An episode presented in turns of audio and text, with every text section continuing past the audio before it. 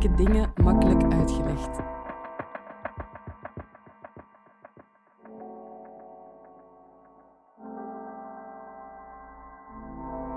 Dit is de podcast van Moeilijke dingen makkelijk uitgelegd. Wie de wereld wil verbeteren, moet wel begrijpen hoe die werkt.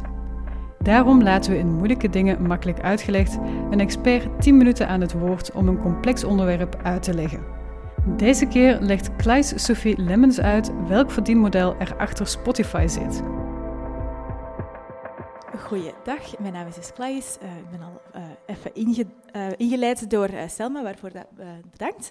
Um, ik heb dus inderdaad muzikologie en muziekbusiness gestudeerd en momenteel ben ik te werk gesteld als zakelijk leider in de muzieksector. Ik ben manager en marketeer voor um, zowel artiesten in de popsector als orkesten en ensembles in de klassieke sector. Dus het zal jullie niet verbazen dat Spotify eigenlijk wel best een groot deel van mijn dag is niet elke dag, maar een best een groot deel van mijn takenpakket en alle andere streamingdiensten die daarbij horen. Um, ik loods jullie vandaag dus heel even door het uh, businessmodel. En ik moet, ik moet eerlijk gezegd toe, toegeven dat het wel heel triviaal lijkt nu, na de grote, grote schoenen die ik moet vullen. Maar ik ga mijn best doen. Um, dit is best wel mechanisch en een beetje theoretisch. Dus als het op een bepaald moment echt veel te droog is, uh, steek gerust je hand op en um, dan maak ik het iets praktischer of steek ik er nog een leuk voorbeeld in. Uh, wat is Spotify eigenlijk? Er werd al uh, geknikt. Um, inderdaad, er zijn allicht heel veel mensen die de app kennen, die de app gebruiken. Uh, Spotify is een platform dat werd opgericht in 2008 in Zweden. Um, en het werkt op computer, het werkt op mobiele devices en het biedt content aan, muziek, podcasts en sinds kort ook video. Um, in de, is ondertussen in 170 landen beschikbaar. Um, hadden jullie dat al gezien, dat er video wordt aangeboden tegenwoordig ook? Uh, er zijn een aantal podcasts die worden opgenomen met beeld. En als je die begint te bekijken, dan krijg je dus ook gewoon het, het beeld erbij. Um, maar het, is, het, wordt voornamelijk gebruikt voor de, um, de exclusieve contracten van Spotify, waar we het zelfs ook nog over gaan hebben. Heel, heel even een steekproef. Wie van jullie gebruikt Spotify om te luisteren? Dat zijn er heel veel. Wie van jullie betaalt voor het abonnement? Bijna evenveel. Oké, dat is heel goed. Um, dus uh, Spotify zegt zelf, ik, heb mijn, mijn talk voornamelijk gebaseerd op cijfers die zij zelf hebben aangeleverd, want helaas heb ik geen mensen on the inside. Dat zou ik wel heel leuk vinden. Uh, ik ga zelfs ook nog wel een beetje speculeren, maar voor nu de cijfers die zij hebben um, gereleased vorig jaar in 2021. Um, die cijfers zeiden dat zij op jaarbasis 11 miljard euro binnenhalen. Um, of toch in elk geval in 2021. Um, voordat we daarin gaan duiken waar dat, dat geld allemaal vandaan komt, um, is het belangrijk om drie grote groepen gebruikers te definiëren. Dat zijn langs de ene kant, of drie grote groepen uh, stakeholders, zeg maar. En dus langs de ene kant de gebruikers, oftewel jullie, de mensen die de app openen en kiezen welke muziek zij willen beluisteren. Dat, die zijn opnieuw opgedeeld in twee mensen of twee soorten, uh, namelijk de betalende gebruikers en de niet-betalende gebruikers. Want ik weet niet of jullie de, uh, reeks ondertussen op Netflix gekeken hebben over Spotify. Het is een hele leuke reeks over uh, Spotify, ik denk vier of zes afleveringen van Daniel Ek, die het platform heeft gebouwd.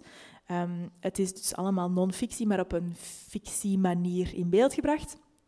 Um, en daar wordt ook heel erg duidelijk in gemaakt dat vanaf het begin, bij het opbouwen van, uh, van de app, dat er altijd gezegd is geweest door de oprichter Daniel Ek, dit moet een gratis app zijn. Dus er zal altijd een manier zijn om gratis content, gratis muziek aan de gebruiker um, te kunnen uh, aanbieden. Um, een tweede groep uh, van belangrijke um, stakeholders in dit verhaal zijn de adverteerders. En dat zijn bedrijven die via Spotify um, advertenties gaan maken of reclame gaan maken voor hun eigen diensten. En ten derde, en dat is de groep waarvoor ik vandaag een klein beetje voor in de brand spring en ook op het einde een pleidooi uh, ga maken, zijn de artiesten en de, de content creators, zeg maar. De mensen die ervoor zorgen dat er überhaupt iets op die app staat. En die zijn uiteraard uh, heel uh, omvangrijk, die groep. Um, die uh, zijn ook, worden een beetje stiefmoederlijk behandeld, zal ik het zo zeggen. Um, en die zijn veel belangrijker dan, uh, dan we denken. Um, laten we eens kijken naar de inkomstenzijde. Want ik sprak dus al over die 11 miljard.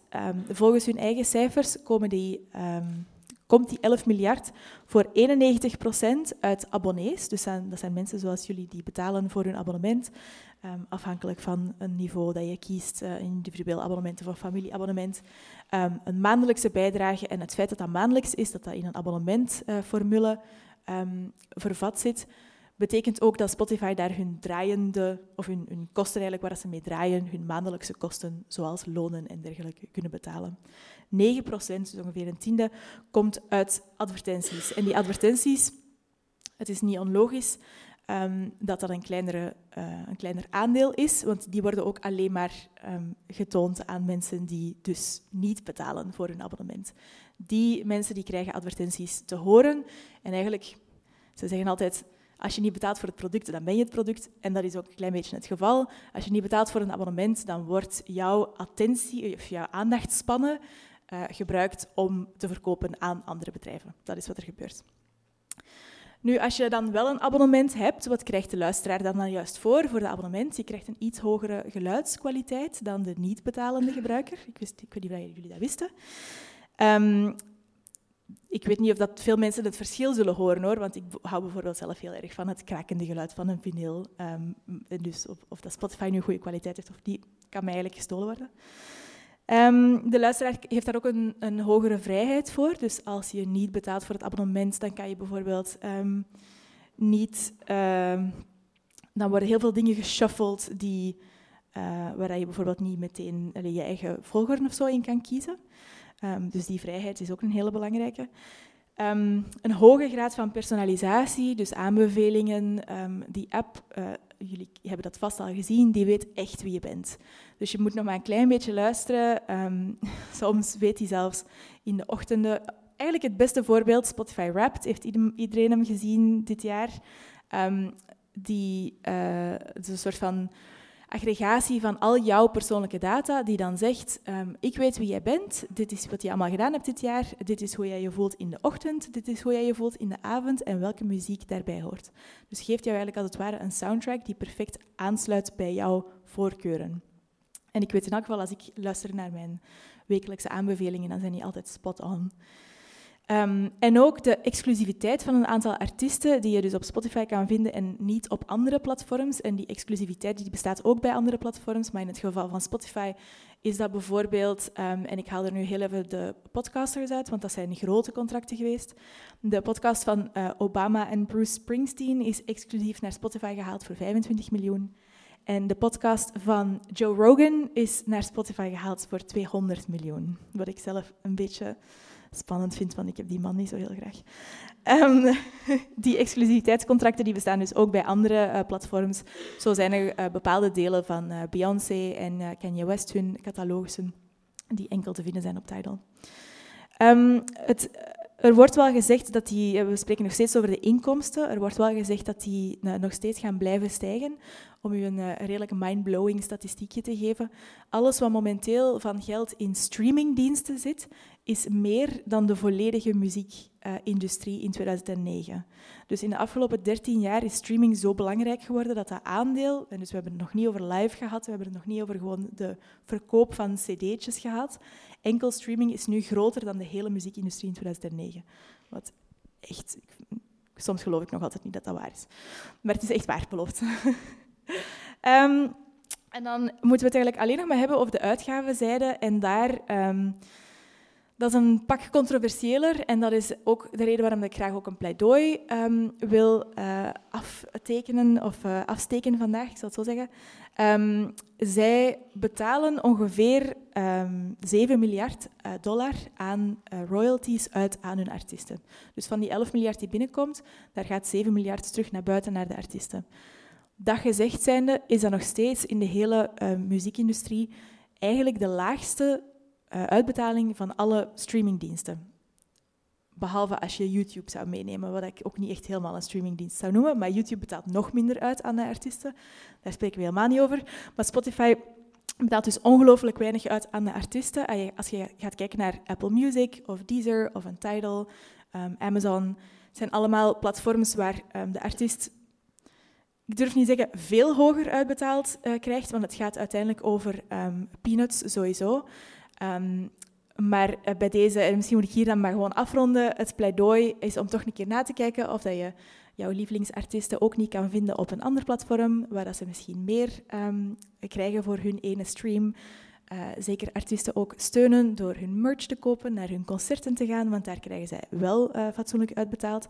En als je weet dat een um, plaat ongeveer 25.000 euro kost minimum om die gemaakt te krijgen, dus om studiotijd tijd uh, te huren en je mixer en je masteraar en de, alle mensen die mee in de studio moeten zitten, en daar dan ook nog een mooi fotootje opplakt en een, een communicatiecampagne rond moet bedenken, en dan zit je daar heel snel aan Um, heel veel artiesten maken zo'n plaat en gaan via Spotify nooit dat bedrag van die plaat terugverdienen. Um, dus als je de volgende keer, als je echt heel graag luistert naar een bepaalde artiest, probeer die te steunen op andere manieren. Zoals ik net heb gezegd, Spotify is niet de beste plek.